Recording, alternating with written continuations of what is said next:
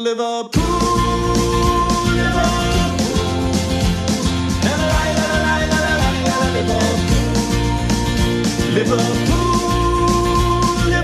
Hej och hallå och eh, välkommen till ytterligare ett avsnitt av Total Liverpools podd. Säsongen är, eh, ja den är slut, den är historia.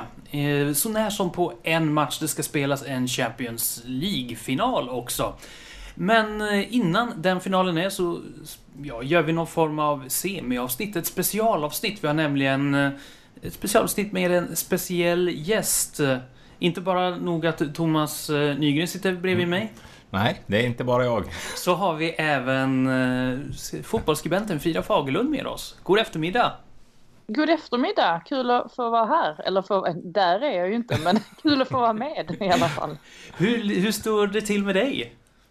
Eh, nej, men jag eh, är lite, lite trött är jag. Eh, har varit igång hela dagen och eh, det har varit riktigt så här. Jag befinner ju mig i Båstad och det har ju varit riktigt busväder här och blåser väldigt, väldigt mycket. Så att jag är lite så, går runt och är lite sådär småfrusen hela tiden. Eh, så lite obekväm känsla. Men eh, bortsett från det så, så är jag glad och nöjd med livet. Då har du ju, nu när vi spelar in en podd så har du en ursäkt att vara inomhus och inte behöva vara ute. Det är ju alldeles utmärkt. Mm, exakt. Och eh, vi ska prata fotboll, är tanken. Eh, lite Premier League och så under det här specialavsnittet. Och vi kan väl börja redan direkt. Premier League-säsongen är ju, ja, historia sen ett par veckor tillbaka. Och, och Frida, vad, hur minns du den här säsongen? Hur kommer du se tillbaka på den? Oj, jag har redan gått vidare tänkte jag säga. Men, eh, nej, men jag, jag tyckte att eh, det var ju definitivt mer spänning den här säsongen kontra förra årets säsong när Manchester City i princip bara dundrade igenom den och så var det klart redan i, i december eh, i princip. Nu fick vi ju den här eh, öppningen där med, med både City och Liverpool och faktiskt ganska mycket spänning där under till också med, med liksom tre lag eller tre storklubbar rättare sagt som darrade ända in i slutet och gjorde upp om de platserna och sen ändå lite spänning i mitten också, bra bottenstrid så att jag tyckte det var det var väl framförallt spänning. Det var väl det nyckelordet eh, jag tar med mig ifrån den här säsongen tror jag. Eh, hur tycker du kvaliteten har varit om man jämför med de senaste säsongerna? Har det varit en bra Premier League-säsong eh, liksom sett till spelkvaliteten? Ja, men det tycker jag. Ehm, sen är det väl klart att de klubbarna man är besviken på det är ju eh, givetvis Manchester United som har tagit kliv tillbaka. Chelsea som ju på sätt och vis eh, också tog eh, kliv tillbaka. Eller det satte sig väl inte riktigt där med Sarri så snabbt som man hade kunnat eh, kunnat hoppas på att det skulle göra. Och Arsenal är ju också ett sånt där lag som har varit väldigt, väldigt upp och ner. Men eh, det är ju lite speciellt också med Liverpool och Manchester City som på något sätt har eh, eh de är på en annan nivå nu i Premier League och Eh, Manchester City visste vi ju redan om att eh, liksom under Guardiola så är de så starka och, och, och har sitt spel. Men att Liverpool också har klivit upp där nu, det är ju ganska imponerande också eh, kan jag tycka. Och Klopp som ändå har fått en del kritik. Alltså idag känns det ju helt obegripligt att han någonsin har fått kritik. Men han fick ju det där i början ändå till viss del och sen så har liksom allt fallit på plats den här säsongen. Kryddat med då mittenlag, nykomlingen Wolves som liksom kliver in och beter sig inte alls som en nykomling. Eh, Watford som eh, inledde jättestarkt och avslutade ju ganska starkt där också med att komma tvåa i FA-cupen. Så att det, nej, jag tycker väl att eh, spelkvaliteten har varit eh, förhållandevis hög med några undantag då. Då tänker jag ju kanske främst på floppen eh, Fulham till exempel som man kanske hade kunnat eh, tro lite mer om eh, vid säsongstart. De glömde det här med att träna försvarsspel verkar det som.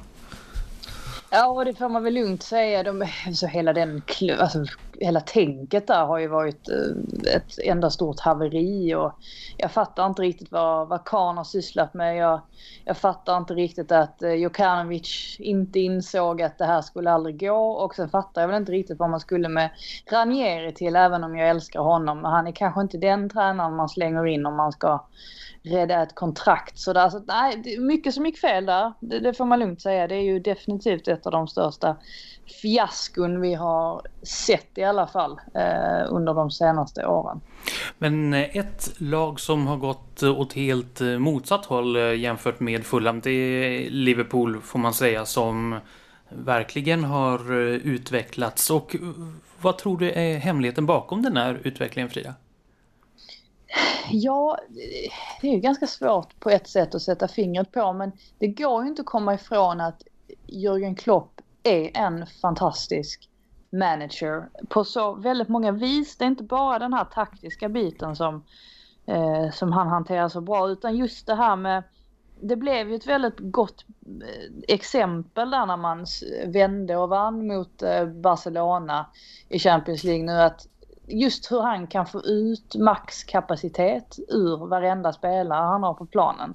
Eh, han är exceptionell på det sättet. Att han verkligen kan få gruppen att gå samman på det viset och åstadkomma någonting eh, så, så pass enormt trots att man dessutom saknade sina bästa spelare i den matchen. Eh, så jag tycker väl att han, liksom, just att han har kunnat lyfta lyfta spelare också. Alltså en sån som Robertson liksom har seglat upp och blivit, eh, nu ses han som en av världens absolut bästa vänsterbackar. Vem hade kunnat tro det när han spelade i Hull? Alltså, alltså Alexander Arnold på det som liksom kommer ur egna led som han också har fått ut max av. Så att det finns så mycket, så mycket att ta av eh, i Liverpool. Men jag tycker det är, det är fantastiskt hur han har lyckats få ihop det där. Och det har ju hänt mycket även i ledarstaben där. Hur mycket tror du har att göra med att hans trogna vapendragare, Jörgen Klopps trogna vapendragare, Selko Bovac, eh, har lämnat och eh, in kom eh, nya medarbetare? Det är väl snarare så att man kanske trodde att Bovac, alltså, att det skulle märkas av att han försvann. För det var ju ganska mycket snack där om det i början. Men Sen insåg jag, det var, det var någon som påtalade för några veckor sedan, det kan ha varit Kalle Karlsson som bara nämnde det i förbifarten att eh, att det där inte alls hade påverkat. Då, då, insåg jag dessutom att gud, jag har inte ens tänkt på honom på hela säsongen. Så att uppenbarligen så, så var det ju liksom inte... Eh, alltså det, det kanske visar också att det trots allt är Klopp som är är navet till 100% i det här maskineriet. Och sen omger ju han sig med, med tränare och eh, andra, alltså fysiologer, eh, träningsfysiolog, näringsfysiologer och andra i staben som han anser lyfter, lyfter laget ännu mer. Och jag, jag skrev ju ett, ett dokument här om deras näringsfysiolog till exempel Mona Nemmer som är ännu ett sånt där exempel på vad Jörgen Klopp har förändrat i Liverpool sen han kom. Just det här med hur, hur, hur noggranna de är med, med maten och eh, liksom återhämtning och allt sånt där också. Och, hur de själva påstår att det där är också en sån där faktor som har gjort att de har kunnat ta sig upp till nästa steg. Just att de har sån hundraprocentig koll på allt sånt där. Så det visar ju bara att han har ju verkligen, det är inte bara ute på planen han har gjort förändringar utan han har ju verkligen förändrat hela klubben eh, i stort. Eh, vi värvade ju ganska mycket till Liverpool förra sommaren och tänker om man kollar på en sån som Alison Becker så har man ju tydligt märkt vad han har betytt för för Liverpool. Jag undrar lite grann hur du ser på, på Fabinho. För han, det tog ett tag för honom att komma in i, i klubben och som Liverpool-supporter har man ju länge väntat på att få in en riktigt stark defensiv mittfältare. Hur tycker du att hans säsong har varit? Eh, med facit i hand så tycker jag att Klopp hanterade honom väldigt bra. För att Eh, Eh, just det här hur han slussade in honom eh, i Liverpool. Alltså det var inte det här att han liksom kastade ut honom i hetluften i, i första omgången utan han, han valde rätt typ av matcher egentligen att matcha honom i. Alltså mot kanske lite sämre motstånd så att han eh, skulle komma in i det mer och bättre och, och få lite mer självförtroende också. Eh, för man såg ju i början att när han väl ställdes mot lite tuffare motstånd så hade han det omedelbart lite, lite jobbigare. Men allt eftersom säsongen har gått så känns det också som att Fabinho har kommit mer och mer in i det. Och nu på slutet så finns det ju inte en kotte som kan påstå att han var någon sorts floppvärmning, vilket det ju faktiskt pratades om i början av säsongen. Det har man nästan glömt. Men, men så var det ju faktiskt eftersom att han, han inte, inte spelade så mycket och när han väl spelade så kanske man inte såg så mycket som man hade hoppats av. Så att eh, jag tycker Klopp har hanterat honom eh, väldigt bra. Jag vet inte hur ni, hur ni ser på det, ni som är Liverpools supportrar. Jo, men jag tycker dels har man fått in den här fysiska närvaron på mitten, ett mycket starkare huvudspel och så känns det som att han har lyft både Henderson och Wijnaldum också sista månaderna, för de har ju känts lite begränsade längre bak i planen. Nu bidrar de ju offensivt bägge två på ett sätt som man kanske har saknat tidigare. Mm, ja men så, det håller jag verkligen med om. Och, eh, där måste man ju säga också att eh, Jordan Henderson, man har ju varit på honom, eller jag har i alla fall, kan erkänna att jag har varit på honom ganska mycket under eh, de senaste säsongerna och tyckt att nah, han kanske inte, kanske inte håller sådär eh, håller Liverpool-nivå så att säga om man nu ska vara med och slåss om ligatitlar år efter år. Men på något sätt så jag vet inte, det var väl kanske, nu återkopplar jag återigen till Barcelona-matchen, men det känns verkligen som att den, den var någon sorts momentum på hela säsongen, för att där var ju han fullständigt briljant och man såg verkligen varför han bär lagkaptensbinden i det här laget också. Så att, eh, nej men jag håller med. Jag, jag tycker han har varit eh, väldigt, väldigt, eh, eh väldigt, väldigt, eller att Fabinho har varit väldigt eh, viktig för laget. Finns det några andra spelare som du skulle vilja lyfta fram som har varit eh, nyckelfaktorer eller som har haft stor utväxling eh, som, som har bidragit till att Liverpool har gjort en så fin säsong som man har gjort? Ja, alltså det är väl ofrånkomligt att prata, inte prata om van Dijk, men det känns ju så himla självskrivet att uh, alla vet vilken fantastisk säsong han har gjort och alla vet om att han har varit uh, liksom player of the year i, i, Premier League och att han väl borde vara med där i Ballon d'Or-snacket också kan jag tycka. Alltså ganska högt upp ändå, eh, får man säga. Eh, men förutom han så tycker jag ju faktiskt att Matip också har gjort det väldigt bra nu mot slutet. Eh, och är väl en sån spelare också som höjs av att spela bredvid en typ alltså, av van Dijks kaliber. Eh, men även att Mané var den som såg till att målskyttet eh, rullade på när Salah kanske kom in i en eh, liten torka där också. Så att nej, det finns så många att lyfta i det laget. Så jag tycker väl att alla har ju på något sätt fyllt en roll under säsongen. Eh, Shakiri har väl, eh, han, han, fick ju ganska mycket speltid där i början och sen så gick man tillbaka till 4-3-3 och så fick inte han någon eh, sådär jättemycket utrymme. Men han har ju också fyllt en funktion. Den, den enda som kanske inte har gjort sådär jättestort avtryck är väl eh, Moreno kanske. Men i övrigt så, så har ju alla bidragit på något sätt. Ja, för jag är nog ganska glad att han inte behöver bidra med så mycket nu för tiden faktiskt. Han brukar bidra med spänning. Ja. Jag minns matchen mot Sevilla i Europa League-finalen för två år sedan. Uff. Och, eh, men, det blev bara, bara, mm. nu sitter jag här och är storhetsvansinne, men bara en andra plats trots 97 inspelade poäng, så det innebär ju att någonting saknas. Frida, vad skulle du säga skulle behövas för att ta det här nästa steget, eller var det här en Leicester-säsong för Liverpool? Eh, ja, för att ta nästa steg så kanske City måste bli eh, lite sämre. Eh, nej, men på något sätt så har man ju gjort allting rätt den här säsongen. Och sen handlar det ju om, det är ju lite så här stolpe ut vid vissa tillfällen som avgör det här i slutändan.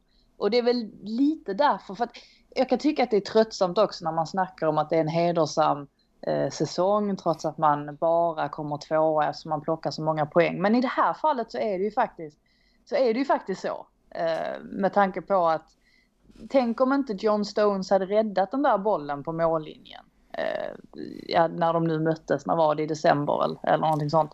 Mm. Tänk om inte han hade gjort det. Då kanske vi hade stått här och så hade Liverpool varit eh, liksom Premier League-mästare. Så att det var så små marginaler den här gången som skilde de här klubbarna åt. Eh, och det kommer ju bli ännu tuffare nästa säsong kan jag tänka mig.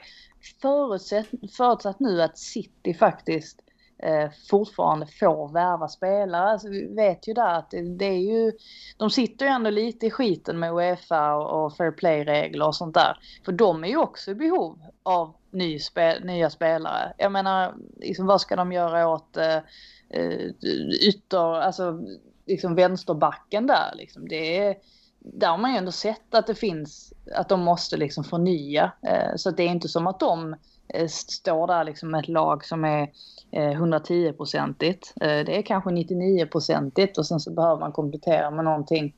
Så att sommaren blir ju, det blir spännande nu att se vad som händer under eh, silly season. Men tror du att Liverpool eh, hade en eh, överpresterade Liverpool? Manchester City överpresterade ju inte, det kan man inte säga om ett lag som tar 100 poäng en säsong och mm, snudd på 100 poäng säsongen därpå. Men har Liverpool överpresterat tror du? Nej, det tycker jag väl inte. För jag tycker faktiskt inte att eh, Liverpool imponerade sådär spelmässigt. Särskilt inte i, alltså inte i början av säsongen. Det var det väldigt många matcher man satt och tänkte att ja visst, de tar tre poäng. Men det var ju inte som att det, man trillade inte av stolen eh, av liksom exaltering av att det var eh, jättefint spel eller att de eh, dominerade fullständigt. Utan man, det kändes som att den här säsongen så lärde man sig hur man plockar tre poäng utan att spela så här väldigt, väldigt bra fotboll. Så att jag menar det är klart att det finns utvecklingspotential nu när en sån som Fabinho har fått, har en säsong i kroppen och Naby Keita som också kom in i det mer och mer. Liksom när han har, nu har han fått en säsong, man får tillbaka Oxlade Chamberlain nästa, eller till hösten förhoppningsvis också. Så att det är ju, nej, jag tycker inte, det tror jag inte. Jag tror att det finns eh, mer att ta av definitivt. Och man kommer ju säkert få behålla sina spelare nu också. Jag menar, vem vill inte spela i en klubb som eh, liksom är med i och, och slåss om ligatitlar och går till Champions League-final. Det, det är väl klart man, man vill det. Ja, och sen så har ju Liverpool en ganska bra åldersstruktur jämfört med, om man säger eh, Manchester City där eh, Fernandinho är 34 år. Eh, de har betydligt äldre, mer, mer rutinerade spelare, men många är på väg neråt. Silva, Agüero, Fernandinho bland annat och kompani blir väl inte kvar i klubben. Och Liverpool har ju fortfarande många spelare som är på väg in i den perioden de ska vara som bäst. Som man är som är 27, Salah 26 och ja, någonstans där. Så det blir intressant att följa. Men eh, Liverpool har ju nu tagit stormsteg upp och har ju väldigt många följare, framförallt i Sverige. Är det någonting du märker när du skriver texter om Liverpool? Får du min feedback nu från oss rabiata Liverpool-fans jämfört med eh, för ett par år sedan? Ja, oh, herregud. Jag tycker alltid ni är överallt eh, på något sätt.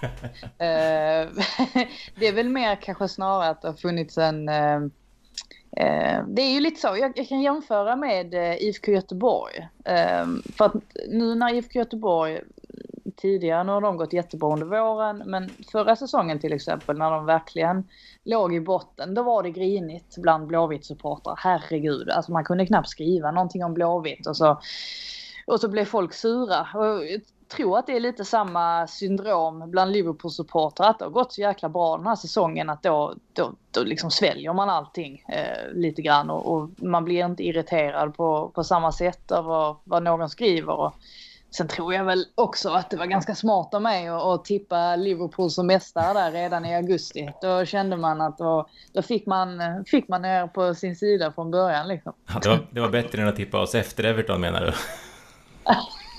det, var inte, det var inte populärt alltså. Men det fick jag ju äta upp också så det, det, det, får, jag, det får jag ta. Och eh, den första juni så är det dags för Champions League-final då mellan eh, Tottenham och Liverpool. Eh, om du skulle vilja sammanfatta det här Champions League-slutspel som det varit fram till finalen, hur, hur, vad tar du med dig? Vad minns du mest? Ja, men det är ofrånkomligt att säga eh, Liverpool-Barcelona på Anfield. Det är ju... Alltså jag är inte ens Liverpool-supporter och jag kunde inte gå och lägga mig den natten. Alltså jag var, och när jag vaknade så vaknade jag med ett sorts adrenalinrus i kroppen. Det var helt, eh, vansinnigt egentligen. Alltså vad, vad var det man fick uppleva under de 90 minuterna? Det var ju verkligen fotbollen när den är som allra, allra bäst. Och man insåg också varför man ens håller på med det här eller varför man älskar fotboll så himla mycket. Det är ju för att se den typen av matcher. Så att det, det, är, en, det är ett oförglöm, oförglömligt fotbollsögonblick i mitt liv som jag tror alltid kommer att sitta kvar någonstans. Och på detta då så får man se liksom Tottenham eh, ta sig vidare helt sensationellt också mot Ajax trots att man tänker att ah, men nu är det över så lyckas de ändå liksom Lucas gör hattrick. Alltså det var mycket där tyckte jag att eh, Champions League liksom definierades för min del. Ehm, finalen, klart att det ska bli jätteintressant och spännande att se men jag har på något sätt fyllt min kvot. Jag är jättenöjd med den här Champions League-säsongen. Bara baserat på vad som hände i semifinalerna. Eh, vi ska alldeles strax släppa iväg dig Frida. Jag tänkte bara att du skulle få komma... Hur tror du att finalen eh, kommer att se ut spelmässigt? Vilka kommer att föra spelet? Vilka... Tror du Liverpool kommer ligga på... Spela på kontring? Kommer vi pressa? Hur tror du det kommer att se ut? Det är ganska svårt eh, att säga faktiskt. Alltså hur ska man... För jag tror att om det är någonting Jörgen Klopp inte kommer att göra så är det att gå på samma miner som egentligen både Guardiola och eh, Valverde gjorde. Att man underskattade eh, eller Valverde, vad säger jag? Ajax såklart. Nu var jag inne på Barcelona-spåret. Eh, nej men vad, vad båda de, de gjorde och det var ju att man hade lite den här arrogansen. Att man trodde att man var lite för mer än Tottenham och, och tog ut eh, segern i förskott i princip. För att Liverpool kliver in här och är favoriter. Det sticker ju ingen under stolen. Men man måste samtidigt komma ihåg att Tottenham har tillräckligt mycket kvalitet i sitt lag för att kunna, för att kunna vinna det här utan tvekan. Och det är, det är små marginaler som gäller. Så, så, är det ju definitivt. Men jag skulle ju bli förvånad om Liverpool lägger över initiativet hos Tottenham. Det tycker jag inte de ska göra heller. För att det är trots allt de som kliver in i det här som favorit. Så att jag, jag tror väl att de kommer diktera hur det kommer bli. Det skulle inte förvåna mig om de, de liksom lägger gasen i botten direkt från början och bara liksom sätter tonen för matchen. Och det, det är precis så jag tycker de ska göra också. Om du får tippa ett resultat? Ja, vad svårt. Jag tror ändå att Liverpool tar hem det och då är det inte omöjligt att om de tar, får en tidig ledning till exempel att Tottenham måste trycka på där i slutet så kanske de öppnar upp sig mer och sen så kan någon eh, lägga in någon till boll. Så jag, jag säger väl kanske 3-1 till Liverpool. Låter det rimligt? Det låter jättebra. Ja, det skulle ju vara skönt att inte ha en uddamålsledning mot Tottenham i slutminuterna på den här Champions League-säsongen, lär jag erkänna. ja, men precis. Och det här tredje gången gilt, tredje finalen gilt och allt sånt där med, med Klopp. Vad händer för dig nu då framöver? Det blir det är ett fotbolls-VM som är på gång. Vad, hur kommer du bevaka det?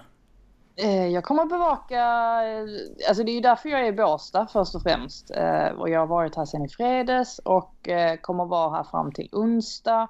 Sen drar vi till Göteborg allihopa och så möter de Sydkorea på fredag. Eh, sen drar jag tillbaka till Stockholm och så har både spelarna och jag någon dag ledigt där innan det bär iväg till Frankrike och sen kommer man ju kuska runt där i några veckor. De spelar ju på olika orter också.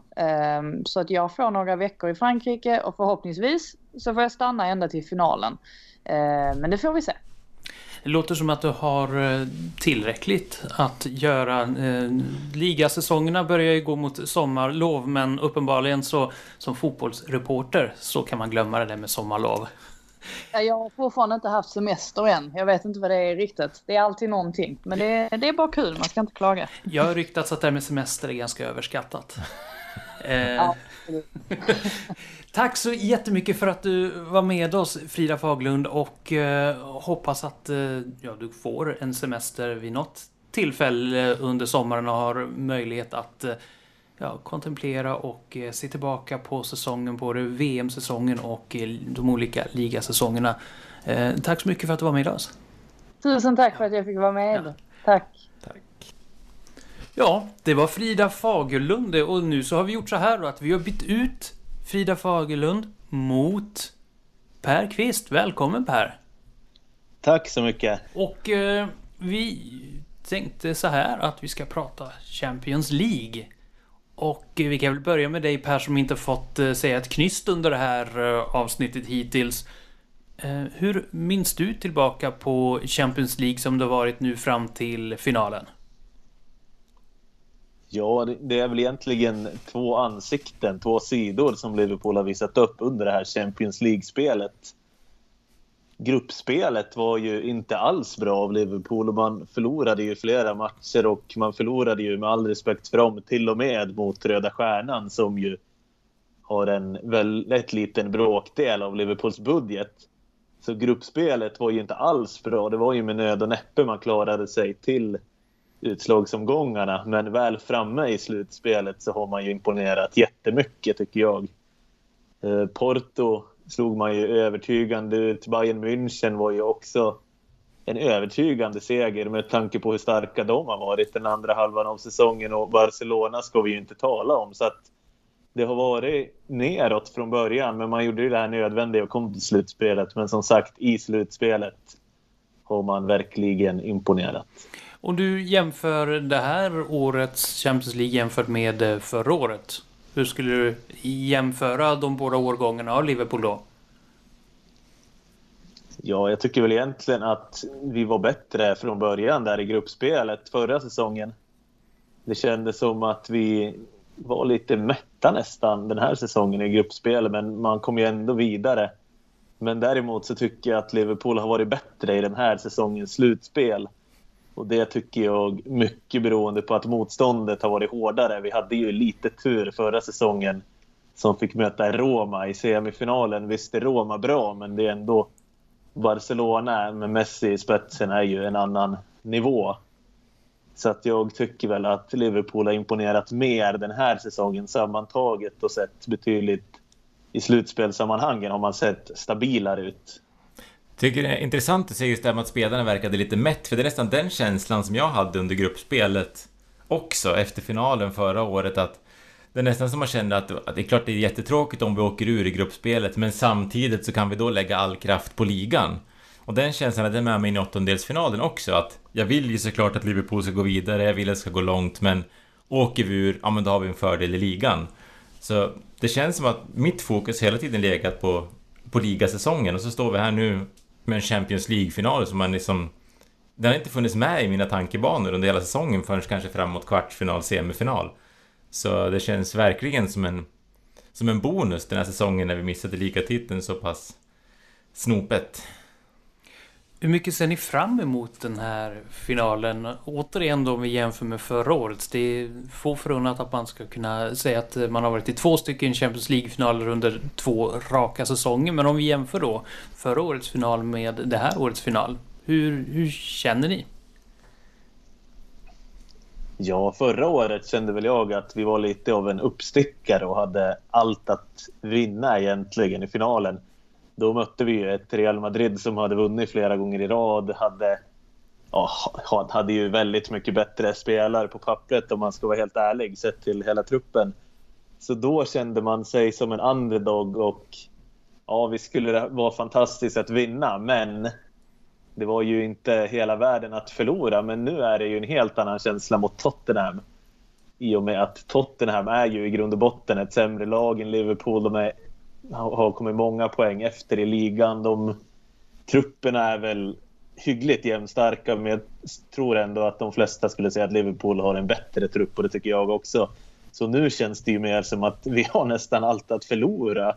Och det är ju på ett sätt en obehagligare känsla men samtidigt hjälpte ju inte underdog-stämpeln eller känslan oss förra året så att det kanske är precis det här som behövs. Ja, jag känner också lite större, jag vet inte ångest är ett starkt ord, men jag känner mer liksom nervositet inför den här finalen än inför den förra året. För som, som du är inne på Pelle, förra året var det verkligen vi hade, vi hade allt att vinna. Vi mötte ett lag som hade finalrutin, som, ja, som, som var liksom ett större lag internationellt. I år är det, i år är det vi som är Real Madrid och Tottenham som är det vi var förra året. Eh, och det är klart, det är ju att om vi skulle avsluta säsongen med att förlora en Champions League-final mot Tottenham, det var ju inte så att man skulle se tillbaka på säsongen med lika stor glädje som det finns chans att få göra nu. Så givetvis så är det ju fantastiskt att få uppleva en Champions League-final. Så jag ser fram emot den jättemycket, men eh, på ett lite annorlunda sätt än förra året då det nästan bara var glädje. Nu är det, nu är det lite ångestdämpad glädje.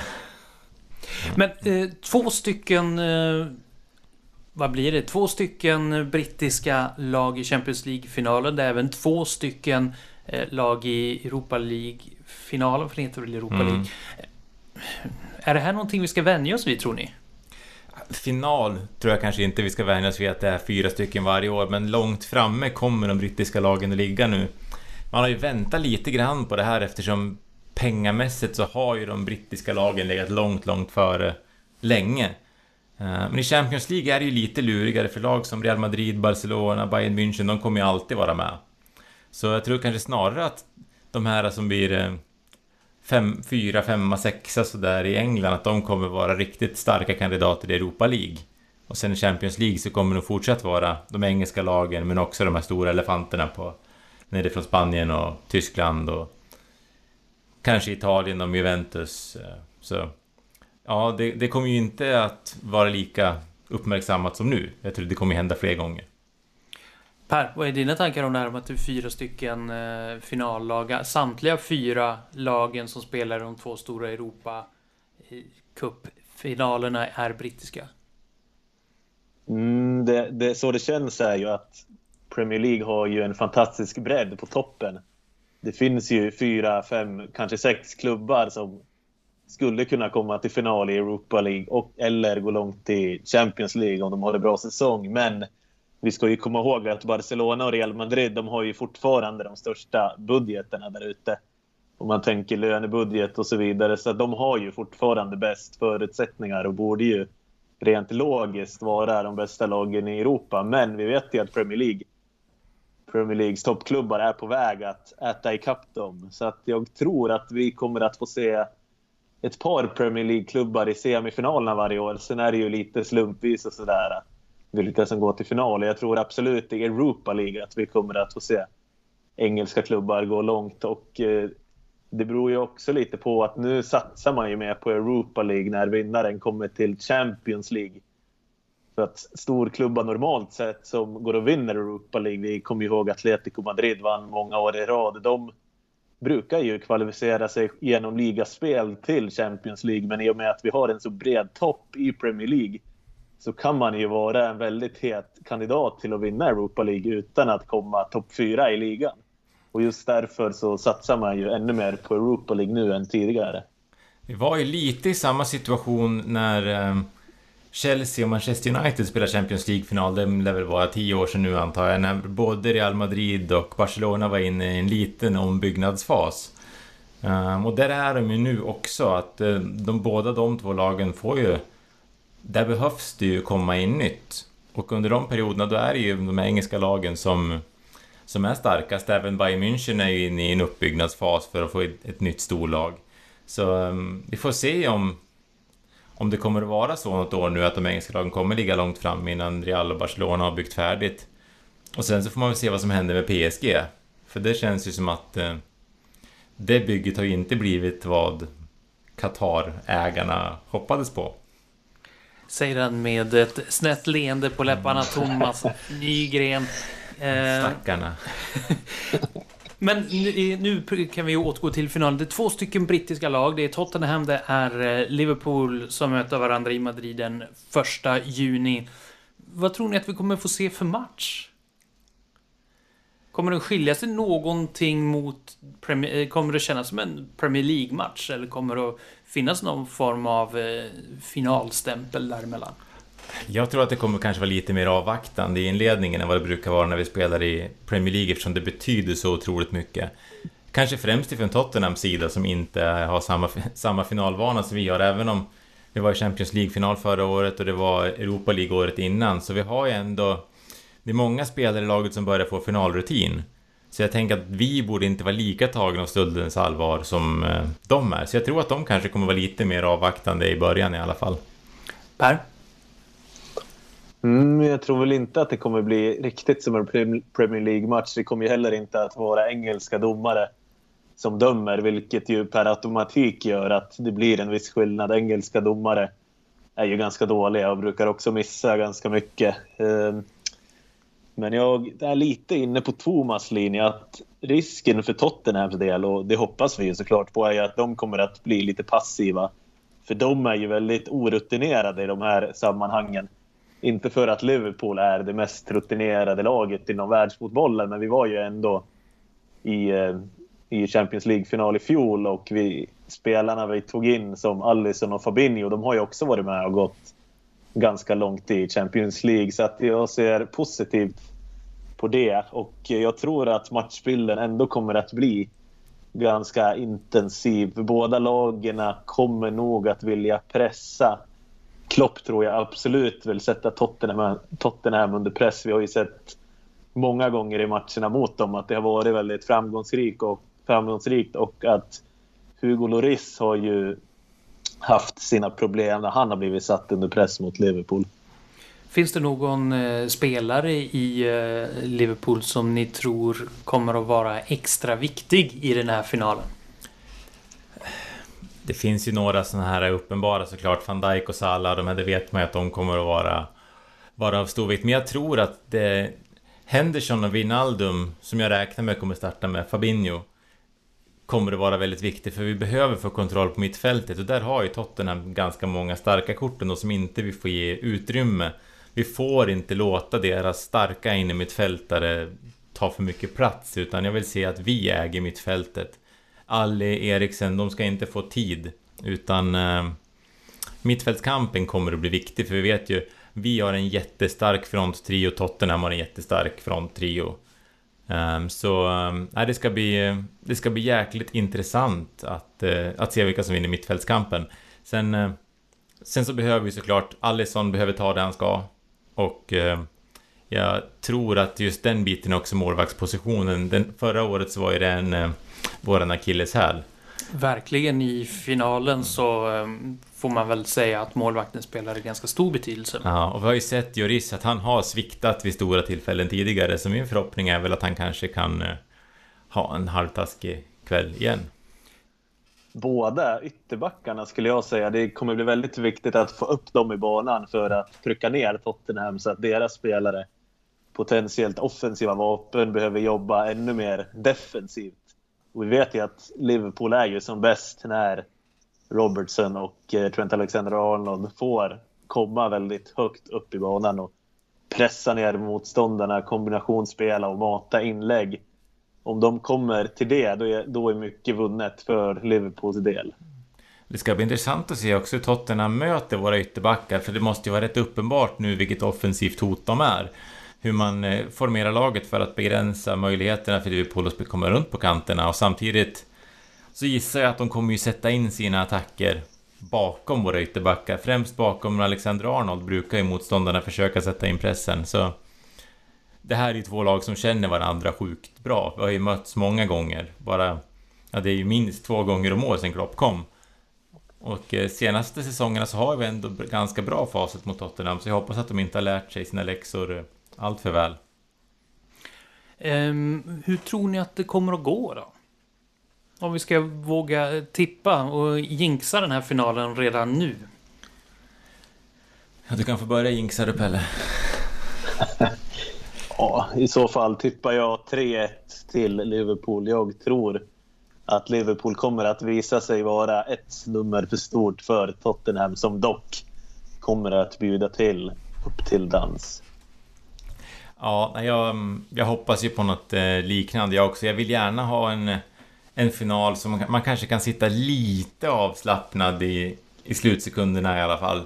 För man, en uddamålsledning mot Tottenham nu med den tron de har på att komma igen i slutsekunder under hela turneringen. Det skulle vara, det skulle vara jobbigt, men jag ser gärna att vi kanske kontrar in 3-1 med 7-8 minuter kvar, ser Tottenham tappa hoppet och så får vi rida ut stormen utan att man behöver lida allt för mycket. Så nu när både Frida och Pella sagt 3-1 så ska väl inte jag vara den som sätter mig emot.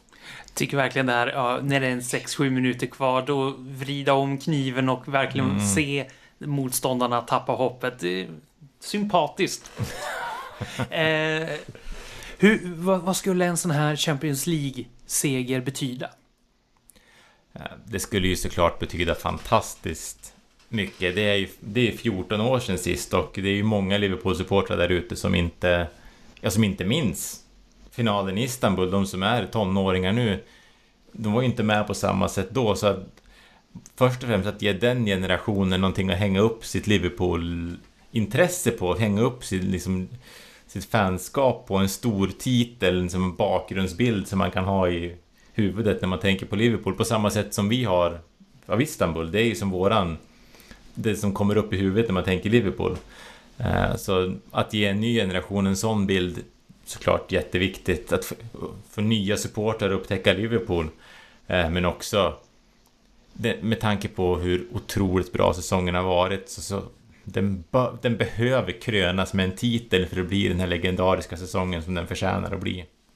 Per, hur viktig skulle du säga den här eh, om en Champions League-seger, en vinst i finalen mot Tottenham, hur viktig skulle den vara för klubben?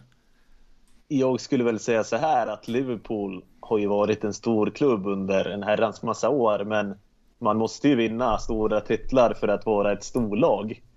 Och det här laget som Klopp har byggt upp, vi tycker ju redan att det är ett storlag, men faktum är ju att det går ju inte helt objektivt att säga att ett lag är ett storlag eller ett fantastiskt lagbygge om man inte vinner sin liga, om man inte vinner Champions League. Så att det skulle ju vara ett kvitto för Klopp och ett bevis på att man verkligen är ett storlag. Sen betyder det ju såklart mycket ekonomiskt och allt runt omkring med man får nya fans och allt möjligt. Men det är också en konsekvens av att man i så fall är ett storlag. Så att det är mest det för mig. Om vi vänder på det. Vad skulle en förlust i Champions League-finalen betyda för eh, klubben, Per? Ja, det är ju lite det motsatta då. att Då är man ju väldigt bra, men man är ju bevisligen inte bäst varken i ligaspelet eller i Champions League. Och ingen minns ju 10-15 år senare den typen av prestationer, i alla fall inte i en klubb som Liverpool. Jag kommer ihåg något år där när Bayer Leverkusen var jättenära att vinna Champions League och Bundesliga, men de vann inte. Men det är ju knappt någon som kommer ihåg det nu. De kallades ju för Bayer Leverkusen då och blev häcklade och allt möjligt. Så att även om det egentligen inte skulle göra så himla stor skillnad på den sammantagna prestationen så är det ju väldigt stor skillnad mot att vinna och komma tvåa. Sen får man komma ihåg just det här som pratades om att vara runt Klopp också med alla andra platser som har varit i cupfinaler genom åren och sådär att eh, då skulle det spetsas ännu mer det, det snacket. Och eh, om man jämför med hur det var 2005 när vi vann jämfört med 2007 när vi förlorade finalen i Aten mot Milan den, den eh, Champions League-resan är ju nästan, den är nästan glömt bort med tanke på att den slutade som den gjorde. Och det blir ju lite grann samma sak här att vändningen mot Barcelona, klart man kommer ju inte glömma den, men den kommer ju inte alls sitta fast liksom lika skarpt som om det skulle visa sig att vi går hela vägen och tar titeln, för då kommer det ju vara en av de mest legendariska matcher som har spelats på Anfield. Ja, det blir intressant final där med, eh, som du säger, för att Tottenham gjorde ju exakt samma sak som Liverpool, en heroisk upphämtning och eh, ja, på, eh, på vad heter det, i deras klubb så antar jag att eh, den vändningen kommer kanske att försvinna i, om, ja, i minnenas allé om det inte blir någon finalvinst och omvända. Men ni i alla fall positiva inför en finalvinst. Och eh, ja, ska vi göra som så att vi rundar av helt enkelt? Är det någonting som ni kommer att... Hur, hur ska ni... Ja, hur ska ni tillbringa tiden under eh, finalen? Thomas? Uh, ja, som jag nämnde sist så springer jag i Stockholm Marathon samma dag. Så jag kommer väl gissningsvis att ligga på soffan hela vägen fram till finalen börjar sen. Och jag kommer nog att titta på den här matchen ensam hemma faktiskt. Jag vill inte gå ut bland folk och se en sån här match utan det här vill jag avnjuta hemma i soffan. Per? Kommer du också springa Stockholm Marathon och eh, ligga på soffan och, och, se matchen hemma? Nej, jag tror nog jag tveksamt om jag skulle överleva om jag försökte springa Stockholm Marathon. Men kolla på matchen hemma kommer jag absolut göra. Jag har stor respekt för de som kollar på matcher ute. Men en sån här match för mig, jag kan inte se den ute. Jag måste sitta hemma, kanske med någon kompis eller själv. Jag, som sagt, jag, för mig kan den inte ses offentligt. Ja, det är intressant. Jag, jag skulle nog kunna räkna upp de som jag skulle kunna tänka mig att se matchen med på, på en hand. Det är, ja, jag, det är min kamrat David som jag såg den med senast. Det är väl en av få kanske som jag skulle kunna kolla på en Champions League-final tillsammans med eftersom jag vet att när han känner som jag känner. Jag, kan, jag skulle inte kunna se det med någon som, som enligt mig inte förstår riktigt hur man mår av att se en Champions League-final. En finaltittning, är det mer ångest än glädje? Ja. Per? Nej, det tycker egentligen inte jag. För mig är det mer att jag vill ha så hysteriskt stort fokus mm. på själva matchen och det tycker jag kan vara lite svårt när man kollar någon mm. annanstans förutom om man är på plats då. Ja, sen... Så för mig är det mest det, men jag känner, stor, jag känner mycket mer glädje än ångest. Men det beror kanske lite på personligheten antar jag. Och slutresultatet en känsla av också. Sen ångestkänslan är såklart, det är mest de här minuterna, första tre, fyra minuterna innan matchen har satt sig. Sen så brukar det gå över, för då vet man ungefär vad man har att vänta sig och sen så såklart det är ju om jag skulle välja mellan att inte se den och se den så är det ju det är ett enkelt val, det är en fantastisk känsla men det är ju Det är ju också en otrolig anspänning, det känner man ju i semifinalen också. Det är som att man är körd när matchen är över fast man inte har ja, kanske har gått till köket och hämtat en kopp kaffe i halvtid. Och vi, det är mycket glädje hoppas vi att det kommer att bli den första juni i Madrid när Liverpool spelar mot Tottenham i Champions League-finalen. Och vi kommer att återkomma strax efter den med ytterligare ett avsnitt. Då vi antar jag då sammanfattar finalen som sådan och Tanken är också att vi ska sammanfatta säsongen som sådan och kanske även blicka framåt och se vad som kan bli bättre, vad som absolut inte får bli sämre. Och eh, vad, vad, har ni nu framöver för planer? Är det någonting som händer på hemsidan exempelvis? Eh, på totalliverpool.com? Vi har ju dagliga uppdateringar nu och det är ju klart att vi också steppar upp inför finalen och det märker vi även på besöksfrekvensen. Det kommer ju fler och fler besökare inför sådana här matcher och det som händer är att vi både har nyheter och andra godsaker i form av krönikor från Thomas till exempel. Så att jag hoppas att det blir intressant att besöka sidan den här veckan. Ja, sen har vi ett nyförvärv på sidan också kanske vi ska nämna. Vi har värvat en ny textskribent. Ja, det stämmer ju. Det är ju en Jesper till har vi tagit in. Vi hade ju redan en Jesper.